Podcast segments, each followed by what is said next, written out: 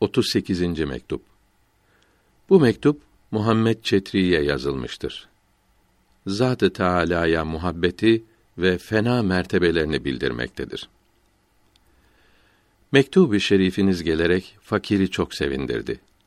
Allahü Teala her zaman kendiyle beraber bulundursun. Bir an bile başkasıyla bırakmasın. Zat-ı ilahiden başka her şeye gayr denir. Onun isimleri ve sıfatları da gayrıdır.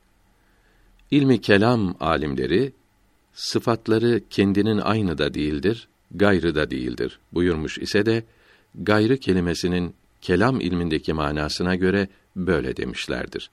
Yoksa lügat manasına göre dememişlerdir.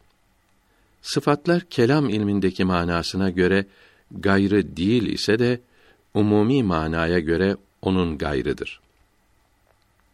Allahü Teala ancak serp sıfatlarıyla anlatılabilir. Onu herhangi bir sıfatla anlatmak ilhad olur. Yani doğru yoldan çıkmak olur.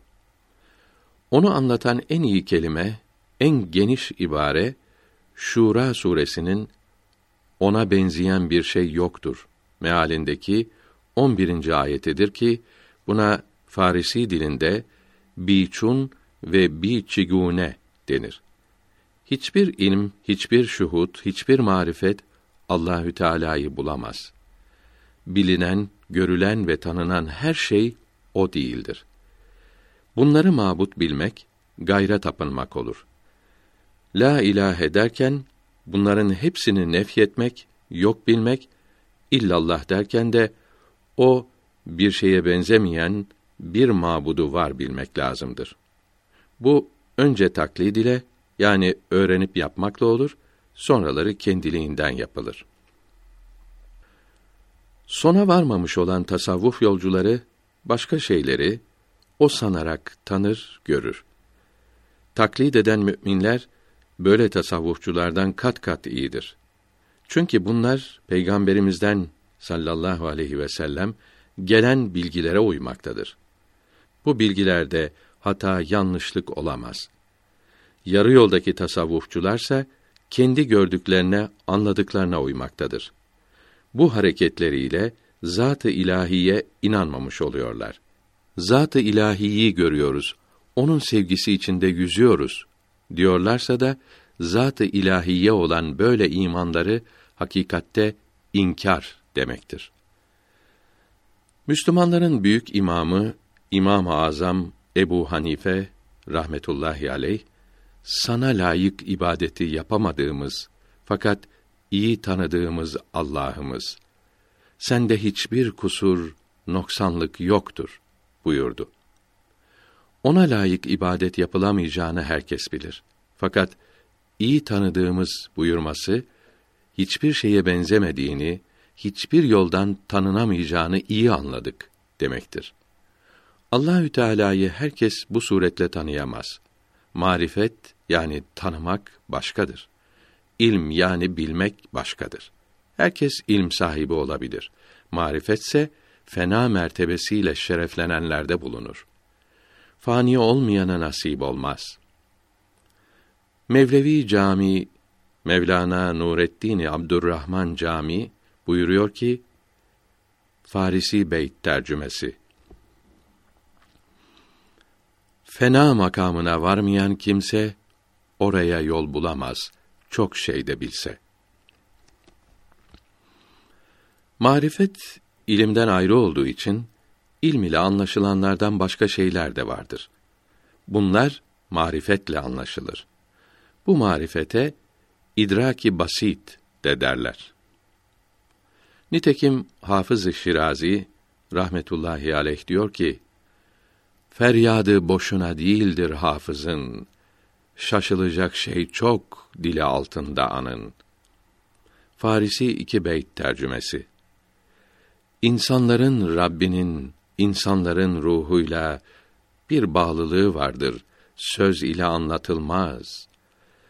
İnsan için diyorum, işim yoktur maymunla.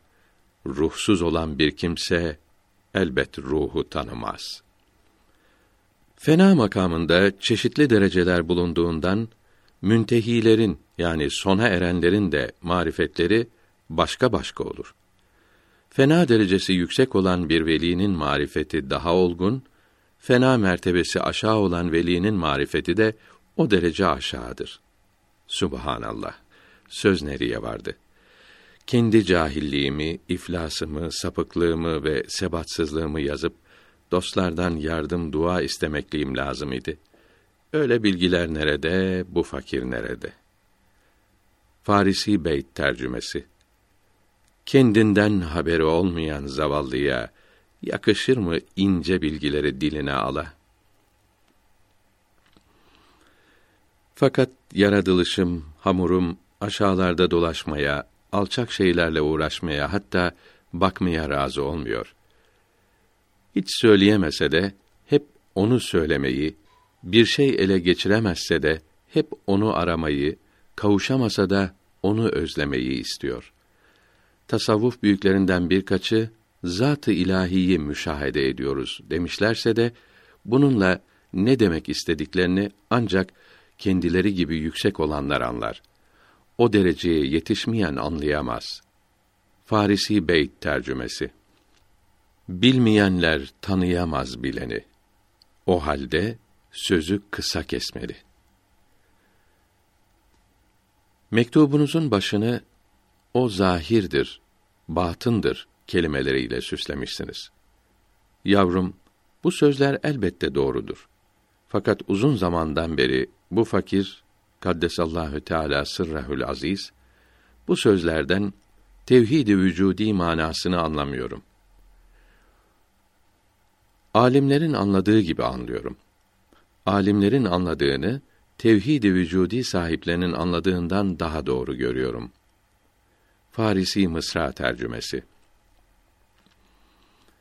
Herkesi bir iş için yaratmışlardır. Müslümanın önce yapacağı şey, hepimizden önce istenilen şey, emrolunanları yapmak, yasak edilenlerden sakınmaktır. Nitekim Sure-i Haşr'in 7. ayetinde mealen Resulümün sallallahu aleyhi ve sellem getirdiği emirleri alınız, yapınız. Sizi neh, men ettiği şeylerden kaçınınız buyuruldu. İhlas elde etmekle emrolunduk. Fena hasıl olmadan ihlas elde edilemez ve zat-ı ilahiyi sevmedikçe hasıl olmaz.